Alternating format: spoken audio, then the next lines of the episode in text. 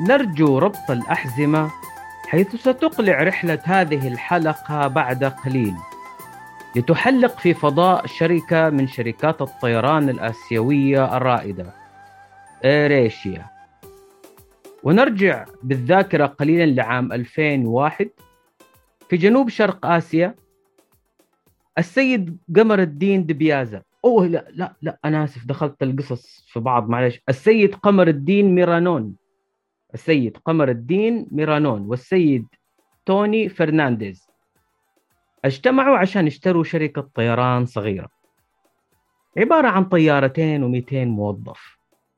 وهدف رئيسي خدمة شريحة العملاء اللي مخدومين جزئيا وما تناسبهم عروض الطيران المتاحة.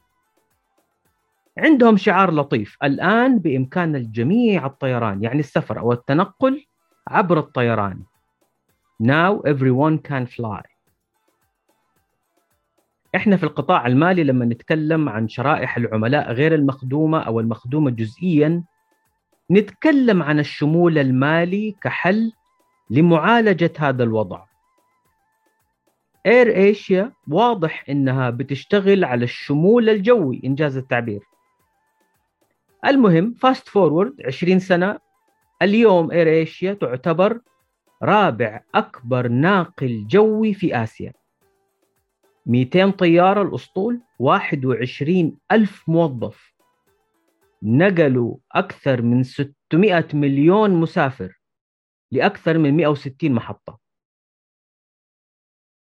شركة الطيران ربما كانت البداية أو الشرارة لكنها اليوم جزء من منظومة A Capital.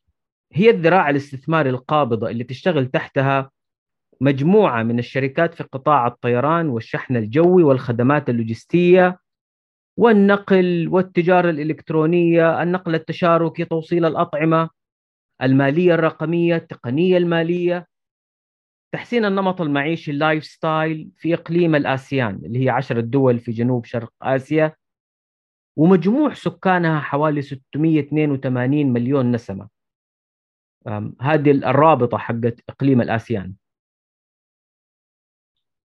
الشركة تتميز بغاية واضحة purpose إنهم يوصلوا الناس ببعض ويغيروا حياة الناس. الشمول مقبولية الأسعار الاستدامة هذه المحاور الثلاثة آه، تلهم تحركات الشركة لتحقيق غايتها. زي أي شركة طيران حديثة اليوم AirAsia عندهم التطبيق الخاص بهم تقدر تنزله من Apple Store Google Play أو Huawei Gallery. هذا غير ال website طبعا. المهم الشركة عندها 51 مليون مستخدم. تطبيقهم تم تنزيله 41 مليون مرة. الناس تستخدم تطبيق كل يوم ليه؟ يعني بالأكيد ما حد حيطير كل يوم ويحجز تذاكر كل يوم. سوبر آب هذه هي كلمة السر. هذه شركة طيران عندها سوبر آب تطلب أكل خضار فواكه بقالة تطلب تاكسي زي ما تطلب Uber أو Careem. تشتري من المتاجر الإلكترونية أونلاين على نفس ال app. يشحنوا لك مشترياتك بطياراتهم. ملابس مكياج كتب. فاضي طفشان تقدر تلعب games تقدر تدخل على برنامج الدردشة تتواصل مع غيرك من العملاء اللي يمثلوا مجتمع المستخدمين للتطبيق. كأنك بتستخدم واتساب أو Facebook Messenger أو اللي على معرفة بالسوق الآسيوي وتطبيقات زي WeChat أو Tencent عموما تطبيقات الرسائل والدردشة أو التواصل لها شعبية كبيرة جدا في شرق آسيا وجنوب شرق آسيا. و AirAsia بتبني على على هذه الثقافة من واقع السوق اللي بتخدمه. زي ما ذكرنا Capital A أو A Capital هي الشركة اللي تحت مظلتها تعمل كل التطبيقات والقطاعات والشركات التابعة ومن ضمنها بطبيعة الحال الخدمات المالية. واحد من الحلول اللي بتقدمها إير إيشيا عبر إير إيشيا ماني هي خدمة مقارنة المنتجات التمويلية والتأمينية. الخدمة هذه تجميعية تعرض لك مثلا عروض البنوك على التمويل الشخصي وتقارن لك بين عروض Standard Chartered Alliance Bank مصرف الراجحي كم كلفة الأجل كنسبة مئوية الربح اللي بيتقاضاه البنك. سقف التمويل يعني كم أقصى مبلغ بيعطوه كم مدة السداد القسط الشهري الحد الأدنى من الدخل. أنت كمستهلك بتتسوق لمنتجك التمويلي هذه الأمور كلها لما تكون معروضة قدامك تساعدك وتسهل عليك اتخاذ القرار المناسب وتقدر مباشرة كمان تقدم طلب التمويل. نفس الخدمة تعرض لك المقارنات بين بطاقات الائتمان المختلفة من HSBC أو Citibank أو Standard Chartered وهم نفسهم AirAsia عندهم credit card خاص بالسفر عشان مكافآت الأميال وعندهم بطاقة cashback معروضة مع بطاقات باقي باقي البنوك اللي بتطلع لك في العرض التجميعي.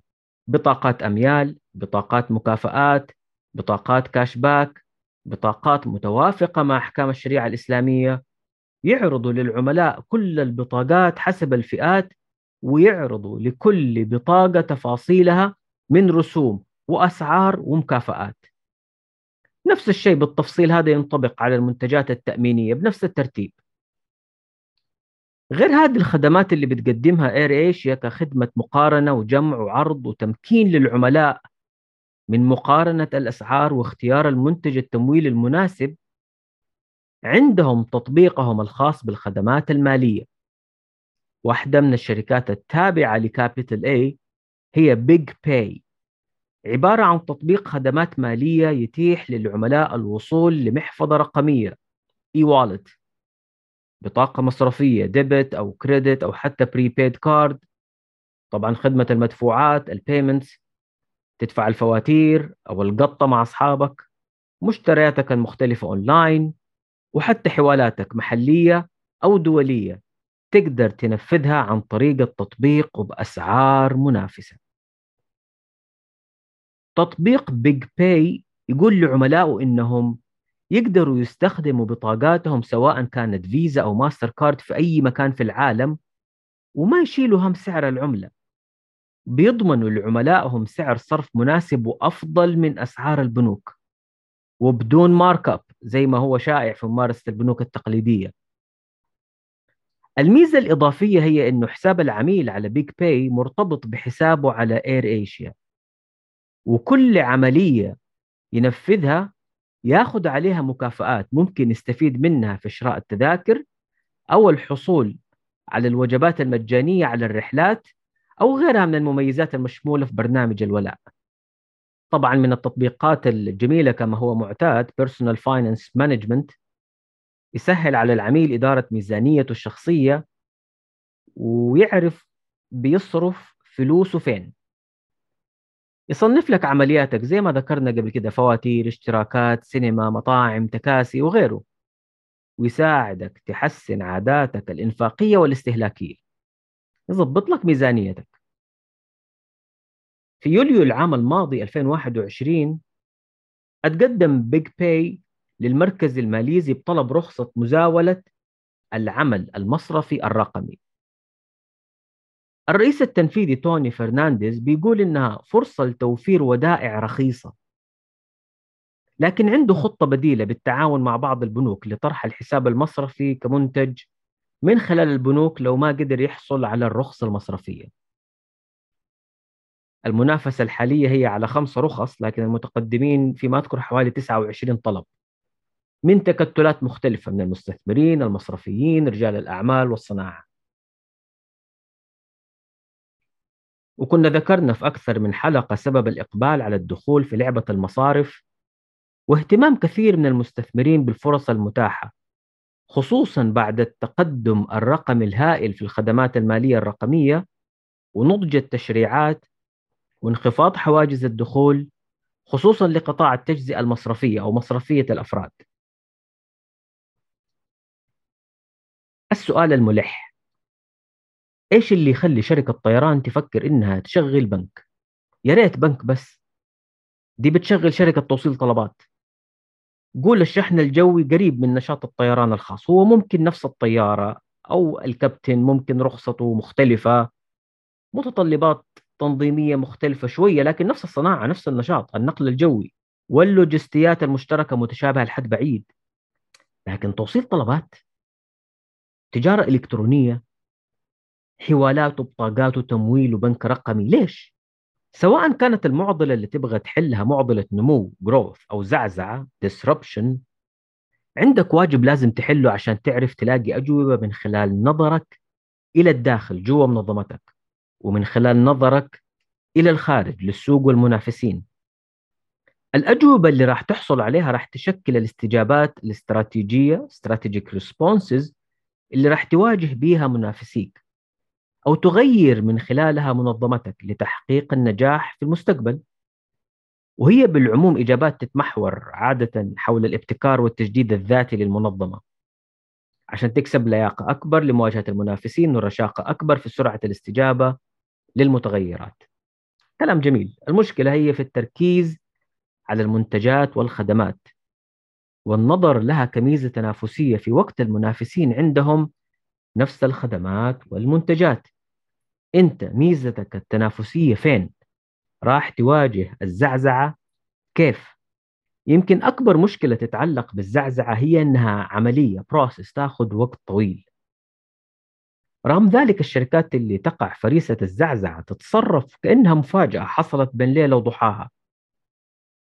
الحقيقة هي أن الاستجابات الاستراتيجية الخاطئة هي اللي مكنت الزعزعة في تحصيل المزيد من الزخم واستقطاب المزيد من القيمة والترقي في سلم المنافسة لزعزعة الأعمال الجوهرية ال core business للمنافس التقليدي. عادة لما بيحصل هذا الشيء بتكون القضية شبه منتهية زي نوكيا كوداك بلوك باستر النماذج الشهيرة هذه. اللاعب التقليدي يحاول دائما حماية أعماله الجوهرية يصمم استجاباته الاستراتيجية لتعزيز الكفاءة والفعالية وتقليص التكاليف. اللي هو نسميه sustaining innovation. في النهاية المكاسب المحققة بتكون على شكل doing more with less مكاسب إنتاجية. في لعبة غالبا zero sum game يعني العميل اللي أنا أكسبه خسره منافسي. الريال اللي أنا أكسبه خسره منافسي. المنافسة في هذا المجال عادة تحكمها حروب الأسعار معركة كسر عظام تطرد الصغار من السوق. لكن النمو الحقيقي يكون بابتكار أسواق جديدة تستهدف العملاء غير المخدومين أو من خلال ابتكارات تحقق اختراقات جديدة تحولات غير مسبوقة في الصناعة أو السوق. هذا اللي بنشاهده اليوم مع موجة ابتكار نماذج أعمال التطبيقات أو نماذج أعمال المنصات الرقمية متعددة الأطراف. Multi-Sided Business Platforms. أو مثل حالتنا هنا مع ايريشيا والسوبر آب حقهم. التركيز في نماذج الأعمال من هذا النوع مو على الخدمات والمنتجات بل على البيانات واحتياجات العملاء. نعيد مرة ثانية التركيز الأولويات ليست الخدمات والمنتجات اللي بتبيعها الأولوية هي في قدرتك على معالجة بيانات العملاء ومعرفة احتياجاتهم وتغذية عملية تصميم الخدمات والمنتجات بمعلومات تساعد على تصميم وتسعير الخدمات والمنتجات بشكل يلائم تلك الاحتياجات. سبق في الموسم الأول تكلمنا على jobs to be done. هذه محور هذه المناقشة. في مثال اير ايشيا قدرتها على إدارة بيانات جداول الرحلات مثلا خدمات اللوجستية لنقل العفش والبضائع. هذه كلها من القدرات الفائقة اللي تمتلكها الشركة واللي مكنتها من اختراق سوق توصيل الطلبات والنقل التشاركي وتوصيل مشتريات العملاء من التجارة الإلكترونية. الأعمال الجوهرية الكور بزنس. لإير إيشيا كناقل جوي هي نفسها تمثل extendable core أعمال جوهرية قابلة للتوسع قدرات جوهرية قابلة للتوسع واختراق أسواق مجاورة. خدمة احتياجات العملاء في هذه الأسواق المجاورة من خلال القدرات الرئيسية اللي تملكها الشركة والتي تعيد موضعتها لتلائم قائمة الاحتياجات الرئيسية. هنا النقطة المحورية اللاعب غير التقليدي يبحث عن السيطرة على سلسلة القيمة داخل ecosystem فيما يصر اللاعب التقليدي على تحسينات مظهرية يعتقد أنها ستصنع الفارق. معظم اللاعبين في الصناعات المختلفة اليوم مستوعبين أن ثورة البيانات والصعود الصاروخي لنماذج الأعمال الرقمية يدفع باتجاه توسيع نطاق الأعمال التقليدية لشراكات غير تقليدية. هي ضرورية لتمكين نماذج الأعمال المبتكرة. العنوان الرئيسي Beyond the Core. شركة اتصالات المستقبل تحتاج أن تكون أكثر من شركة اتصالات. وعندنا مثال اس تي سي باي شركة النقل التشاركي تحتاج أن تكون أكثر من مجرد تاكسي. عندنا مثال جراب شركة الطيران تحتاج تكون أكثر من مجرد ناقل جوي. وعندنا هو مثال هنا إير إيشيا مصرف المستقبل يحتاج أن يكون أكثر من مجرد بنك. وعندنا مثال المصرف الرقمي الروسي تينكوف أعلن عن السوبر آب حقه في 2019 لا ينبغي للمديرين التنفيذيين الذين تجني شركاتهم الكثير من الأرباح حاليا أن يتساءلوا عما إذا كانت القدرة على جني أرباح جذابة ستتغير ولكن متى؟ عما إذا كانت القدرة على جني أرباح جذابة ستتغير ولكن متى؟ إذا كانوا يراقبون الإشارات فمن المحتمل جدا أن يتمكنوا من الازدهار في جميع الدورات بدلا من دورة واحدة فقط. كليتون كريستنسن. كانت هذه الحلقة السابعة من بودكاست مصرفية غير تقليدية. شكرا لمتابعتكم.